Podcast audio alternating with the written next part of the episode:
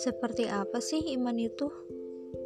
Pernah ngerasain kan gimana lemesnya puasa di siang hari? Tapi coba bayangin ketika para mujahid di perang Badar dalam keadaan puasa. 313 pasukan melawan 3000 kafir Quraisy dengan lengkap peralatan perangnya. Perang yang sangat menegangkan sampai Rasulullah mengangkat tangannya, meminta doa kepada Allah. Wahai Allah, kalaulah sampai kalah kelompok ini, aku risau tidak akan ada yang menyembahmu di muka bumi ini. Bagaimana mungkin 313 pasukan melawan 3000 pasukan yang sempurna dengan peralatan perangnya. Alhamdulillah, Allah menangkan kepada umat Islam. Entahlah, bagaimana kabar kita saat ini jika perang itu kalah.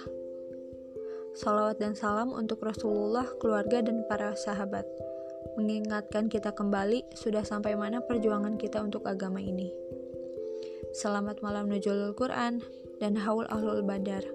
Al-Fatihah untuk para pejuang. Semoga kita bisa berkumpul bersama mereka kelak di akhirat. Amin ya Allah ya Rabbal Alamin.